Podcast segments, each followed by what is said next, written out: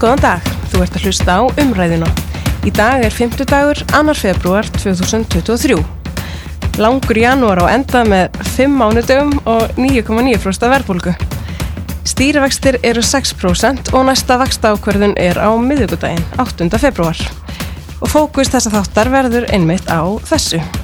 Til hvaða bræðs tekur peningastefnu nefnd? Hvað skýrir þessa nokkuð þráláttu verðbólgu og hverjar eru horfurnar? Á móti mér situr Una Jónsdóttir, forstuðumæður Hagfræðildarinnar og henni við hlið er Ari Skúlason og ég heiti Hildur Margret Jóhannsdóttir. Landsbankin er fjármálafyrirtæki sem lítur eftirliti fjármála eftirlitsins. Nánari upplýsingar og lagalegan fyrirvara má finna á landsbankin.is umræðan hlaðvar.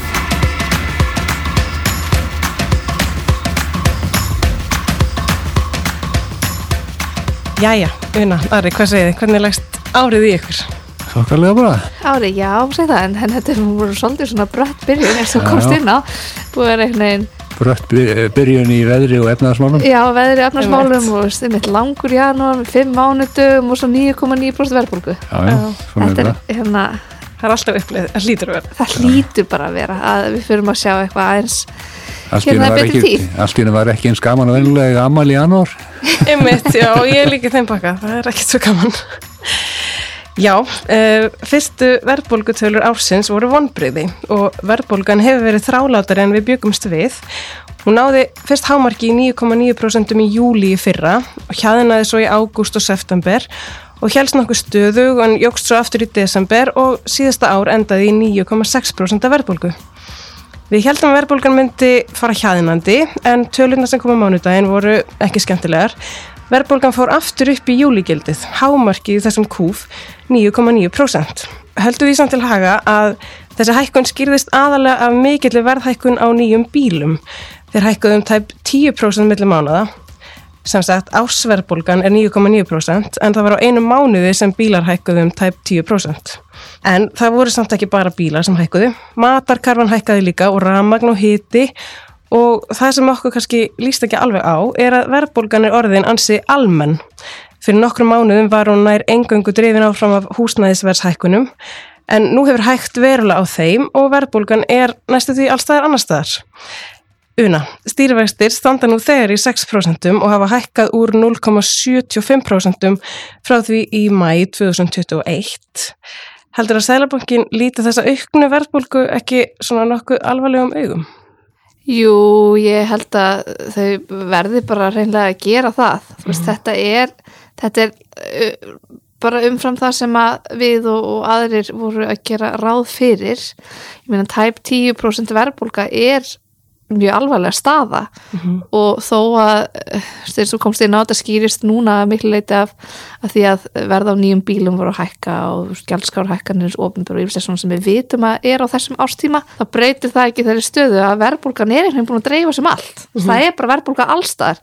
Það er núna mjög stór hluti af undirliðum sem að er að hækka um meira en 10% mun meira heldur en var síðast þegar við sáum sko viðlíka verðbólgu og það getur alveg tekið tíma að vinda ofan að þessu og, og líka bara einhvern veginn svona þegar væntingar eru um meiri verðbólgu þá, þá bara ána til að raungerast Já. og það þarf svona virkilega að snúa einhvern veginn ofan á þeirri þróun Einmitt. og ég meina, já ég, þannig ég held að þau munu alveg líta á þetta mjög svona alvarlegum augum og þurfa að hækka stýrðagsti og hérna við erum sérstætt búin að, erum að gefa út spá í hagræðdildinni og þar gerum við ráð fyrir að verði 50 punktar. Um, það er svona, ég held að þau munu ræða allt á bílinu 25 til 75 punktar en 50 punktar verða öruglega niðurstaðan. Já, þau verða að sína að þeim er alvara af því að fyrst að væntingarnir eru ennþá ekki orðnar betri en þær eru þá þurfa þau svona að stíga fast til jarðar. Já, ég held að vera að gera það og ég meina við sáum það að til dæmis með hérna þessa hækkun á bílum það var fjármálrandi búið að gefa út að þetta myndi orsaka en þessar gjaldskára hækkanir myndi ekki orsaka svona mikla hækkun Einmitt. sem kannski sýnir okkur að þú veist, sem er bara sko eðlilegt í þessu árferði að þá líta aðlar svo á að, að hérna ef þeir eru hvort er að fara að hækka verð út af, út af einhvern gjaldskrárhækkunum þá, þá sé eðlilegt að, að bæta inn hérna öðrum hækkunum líka því við vitum alltaf bara launur að hækka og annars slíkt nú vitum við ekki nákvæmlega hvort að þetta sé tilfellið en þetta er svona hvatin er auðvitað í þessa átt þegar það þarf hvort er að- hækka, hækka verð En það er aðeins auðveldur að hækka verð þegar það er í umræðinni eitthvað svona eðlilega skýringar Já. á því. eða og svo líka bara eftirspurnin er uh, held ég bara ennþá mjög mikil í kerfinu Já. sjáum það að uh, bara innlán heimilagur standa nánast í stað að raunvirði þrátt fyrir alla þessa verbulgu sem síðan það einhvern veginn að fólk bara tekur verbulgun á sig. Neyslu getan er einhver síður talsverð.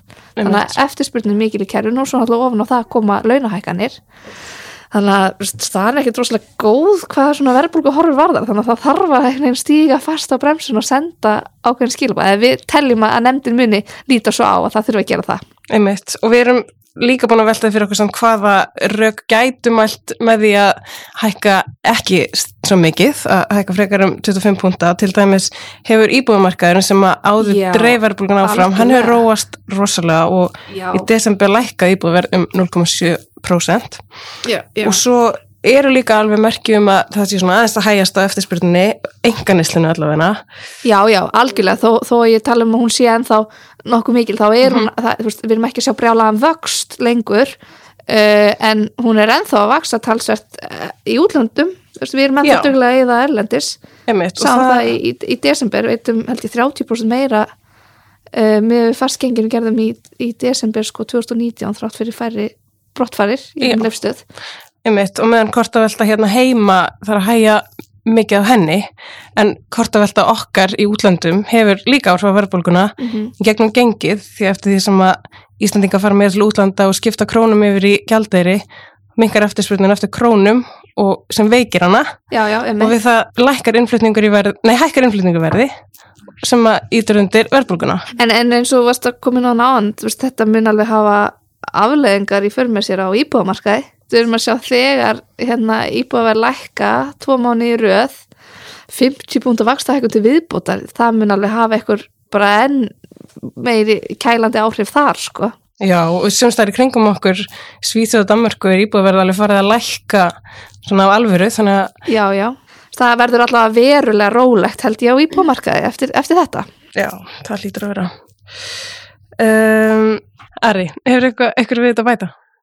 Já, ég sjálfur sér ekki svo mikið sko, ég held að þessi greining sem að una fór í viðan er nokkur rétt en, en við erum samt svona komin í, í pínulítið annan heim hvað þetta varðar. Maður sá það svolítið í sambandi við eh, það er búin að vera mikil umræða um, um hérna eh, hvað ábyrð stjórnvöld eh, hafa í sambandi við verðbólguna og hvað gerðist um áramót og svo framvegis og nú fer maður að sjá það sko að þetta snýr svolítið að bílum núna, ramarsbílum og, og, og þá fer maður að hugsa svolítið til þess sko hvernig markmið geta farið að rekast á. Við erum alltaf með eh, alltaf markmið, markmið sælabankars er að halda verðbólgunni undir 2,5% og það er náttúrulega byggja að vinna allir að því í hagkerfinu að það sé þannig. En svo erum við líka með risastór markmið á öðru leiti, til dæmis bara það að ná tökum á loftslagsmálum, fara yfir í orkuskipti og það eru dýrmarkmið sem að kosta mikið og það þýðir það að til dæmis fyrir hið ofinbera þá, þá hérna, þarf að gera hluti sem að koma til með að kosta og koma til með að valda verðbólgu. Þannig að það verður einhvern dottið í hugun okkur tíman að,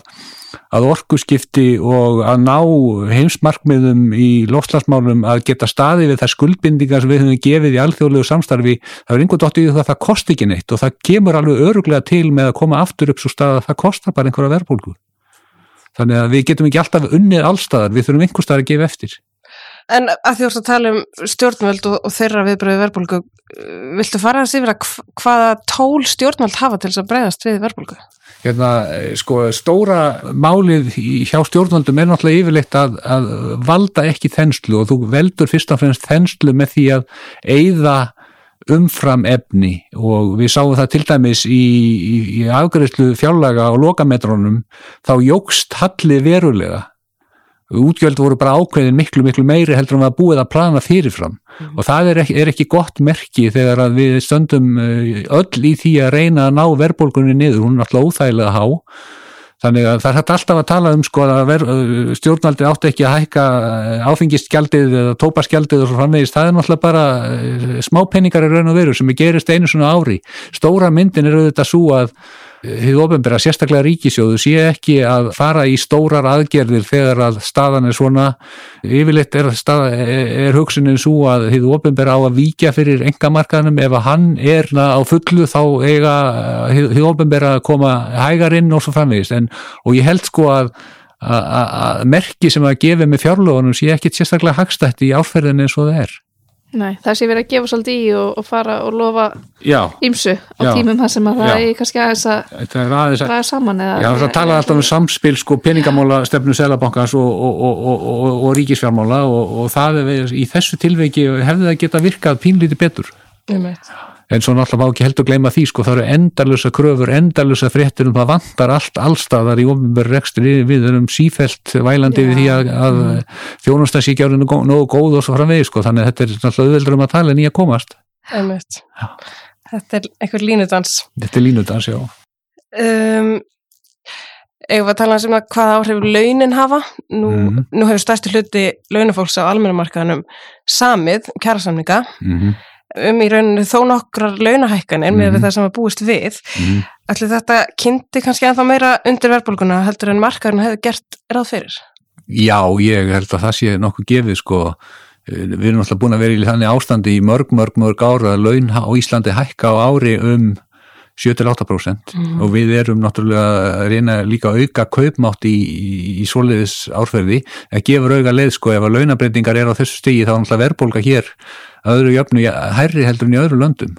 Ég held að sko núna var tekinn svo ákvörðun að, að, að býða með stórar aðgerðir á vinnumarkaði, býða með stóra kjærasamninga, hildar kjærasamninga þar sem er tekið á vörgum málum því var frestað og svo tekinn svo ákvörðun að gera skamtíma samninga í eitt ár sem að getur náttúrulega bara í raun og veru bara fjallað um launabreitingar og ekkit annað, er raun og veru bara verið að fresta og bjarga í hotn og ég held að, að hérna, það megi alveg uh, halda því fram sko að, að þessi framlengi ekki eitt ár, hún var mjög dýr og held ég miklu dýrari heldur en heldur en eh, reiknamátti með og margir reiknuðu með og maður heyri bara til dæmis umræðu úr hinnum og þessum gerum til dæmis veitingagerum með umræðu um það sko að það þyrti hækka samt sem áður eru menn mjög hrættir við að hækka mikil samkeppni í geranum og svo framvegis þannig að við erum að tala um núna á bíluna 8 til 10-12% launahækkanir fyrir ásk samning, það er, það er, það er vel í lagt og, og mm. erfitt að spila úr. Já, kannski ekki að bröða leða, það mun einhvern veginn, þú veist, þú segir, fyrirtæki þurfa einhvern veginn að bregast við, hlýtur að vera og þá, þá hérna, finnum við all fyrir því. Já, það lítur að vera. Já, stundum á tímabilinu sem hefur liðið á síðustu árum þá höfum við fengið svona haftartisvinninga eins og gengistyrkingu, viðskiptakjara bata og svo framvegið sko sem hefur hjálpað okkur að mhm. fara í gegnum þessar miklu launabreitingar á þess að lenda í miklu skakkaföllum en það er ekkit á leiðinu núna. Einmitt. Þannig að við stöndum bara fram með fyrir því að eiga þá hættu að, að, að, að launabreitinga fara mestu leiti út í velag. Já og því þú nefnir gengið, það hefur ekki heldur hjálpað verðbólkunni að krónan hefur taldið átt á brættan að sækja um, vextir hafa þetta hækkað í útlöndum líka eins og hér, þannig að vextamurinn er minni heldur hann, hann hefur svona verið síðustu ár unna, viltu tala eitthvað aðeins um að hvað hvernig Sælabankin geti hórst á það? Já, ég, ég held að hann horfi nú örglega alveg eitthvað á þetta við næstu vextákun, við, við sjáum það svona samsetning verðbólkunar er aðeins að breytast, það er ekki húsnæði sem er kannski, eða jú húsnæði er endur ennþá stór drivkraftur en, en það er svona, það er smá kólunum þar og þá á sama, á, á sama tíma þá fáum við gengisveikingu og, og þá er hægt að, þá er það svolítið það sem er að drífa áfram verðbólkuna þannig að Sælbankin mun öruglega þurfa að horfa á þetta.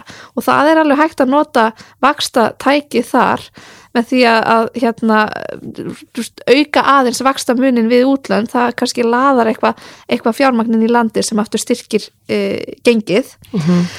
e, og eins og segir, það er hérna minna við sáum vakstahækkun í bandaríkjum í gær, það er útlitt fyrir vakstahækkun bæði hérna í Evrópu og Breitlandi mm. þannig að Sælbónkin munur öll að horfa til þess að það er, það er ekkert sérlega hagstætt að vera með e, lítinn vakstamun við, við þessi land Nákvæmlega þetta er alltaf svolítið skrítin staða sem við erum í sko og, og óvinnileg fyrir okkur svona sögulega að sé sko. Að verðbólka er álíka mikil hér og í nágrannlöndum, flest öllum nágrannlöndum mm -hmm. stiksmunur ekki, en ekki eðlismunur sko. Vextirnir eru álíka hér og kannski aðeins hærri en samt sem áður álíka og sumstaðar í löndunum sem við berum búið saman við, þannig að vakstamunin er ekki eins mikill og oft sko. Þannig að ef maður myndi hugsa þetta svona sögulega síðan þá verður við bara í fínum málu með aðra sko, en þetta er það náttúrulega ekki þannig en, en það sýnir bara sko hvað, hvað hérna, breytingin er mikil þá í löndunum í kringum okkur sko.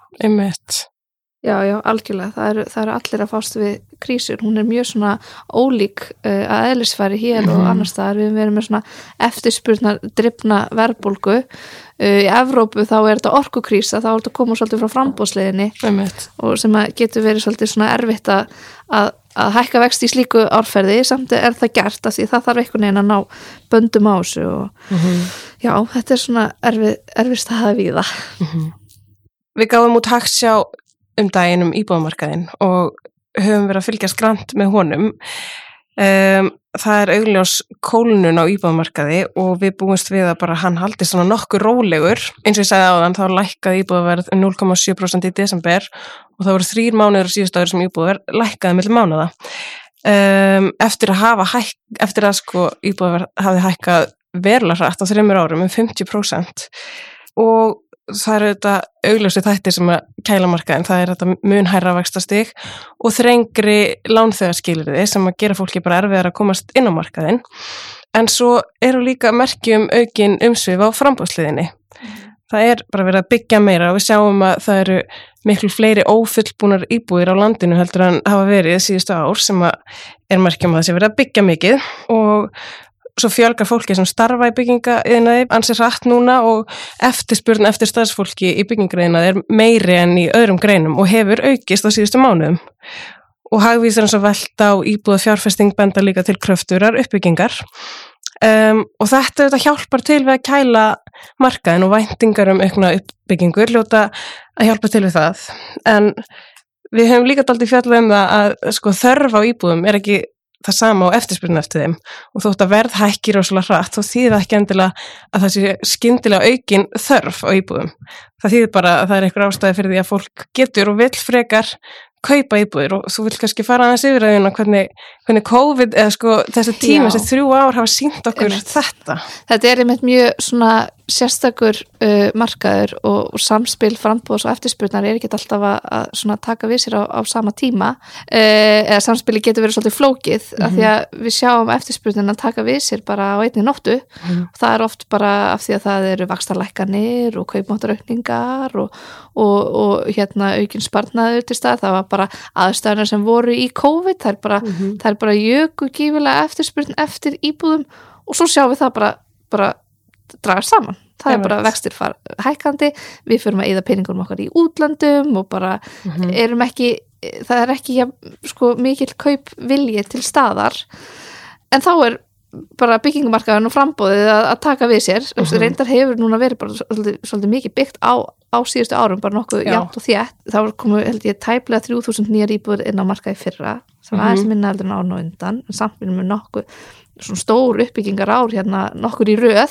Uh, íbúum í byggingu fjölgar gífulega 40% bara hérna á höfuborgarsæðinu mest á fyrstu byggingarstegum og mann það spyrsi ef eftirspurnin er að draga saman verður kaupandahópu til staðar fyrir alla þessar íbúðir? Auðvitað þörf til staðar bara Já, það að hérna okkur fjölga og það er þörf á uh, vinnuafli og alltaf meðan að verður þörf á vinnuafli þá kallar það á fleiri íbúðir og og það, það verður staðan en, en hvort að það sé áfram svona mikill sko kaup áhig það, það á eftir að koma í ljós. Það er stutt síðan að það, það, það vor, var hérna fjöldi af, af bara glænýjum óseldum íbúðum. Svo lækuvextir og þá seldist allt. Kannski eru við mögulega að fara þetta aftur í ég, sko, ég var að, ég var að hérna, fylgjast með þessu markaðu greinan sko, fyrir landsbánkan eh, á, á áránum í kringu hrunið. Já og þá var náttúrulega mín niðurstaða og, og einhverja annar að sú sko að það væri verið að byggja allt og mikið sko, allt og allt og mikið. Og, og þessi tilfinning er svona svolítið færðin að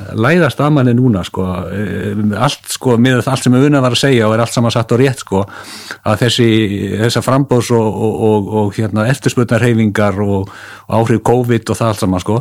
En, en núna eru við bara að fara inn í erfiða tíma og það er búið að þrengja, auðvitað er hægt að losa 1, 2 og 3, alveg eins og vakstarlækkunin á sínum tíma, þessi gífulega vakstarlækkun var til þess að það var hægt að selja hellinga húsnæði sem engi sá fram að yrði selt, það er hugsaðlegt alveg en, en eh, mín tilfinning er svo að að öll þessi umræða um mikla þörf og svo framvegis, hún hafi verið svona tilturlega mikið íkt og við eigum að hættu núna að lenda í vanda út af því við erum að byggja allt á mikið og við stöndum upp með húsnæði sem er verið erfitt að selja.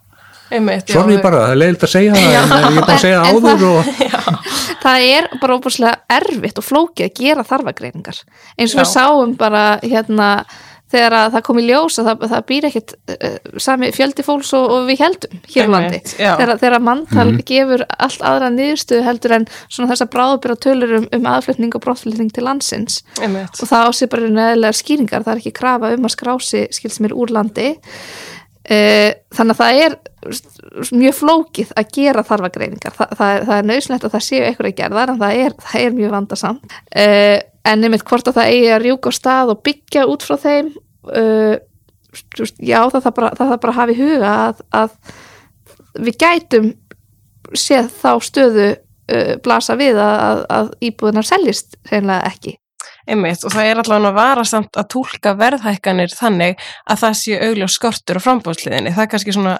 Algjörlega, það, það er, það er náttúrulega það. mjög mikilvægt að hafa það í huga að mikla verðhækkanir eru ekki Mhm. endil alltaf af því að það sé einhver þörf á íbúðum. Það er náttúrulega þessi munur á, á milli hugtakana eftirspurn og þörf sko, Mhm. sem að það er oft ekki gerð mjög mikið skil á því í umræðinu sko, en það eru þetta verulegu munur á eftirspurn og þörf. já, Alveg mjög mikill. og einmitt þessi, þessi þrjúar hafa kjent okkur það sérstaklega því að eftirspurning jógst svo rosalega COVID en þá var einmitt að hæja á aðflutningi til landsins okkur var ekki að fjölga eins mikið og áður Þannig, þannig að þörfin var ekki jafn mikil, sko, það var ekki aukast með sama hraða og hafi verið. einmitt og núna er eftirspurning að minka en aðflutningur er aldrei verið fleiri en sko meiri aldrei núna Já. til landsins Og við sjáum verðið lækka. Þannig að verðið er augljóslega ekki næmt fyrir hérna, breytingum í þörf. einmitt, miklu frekar þessum skamtíma sveiflum á eftirspurn Já, og hva, hver þróunin verður þar er náttúrulega mjög erfitt að ráða í. Að það fer bara eftir, eftir verðbólgu horfum og, og, og, og stýrvast horfum hverju sinni.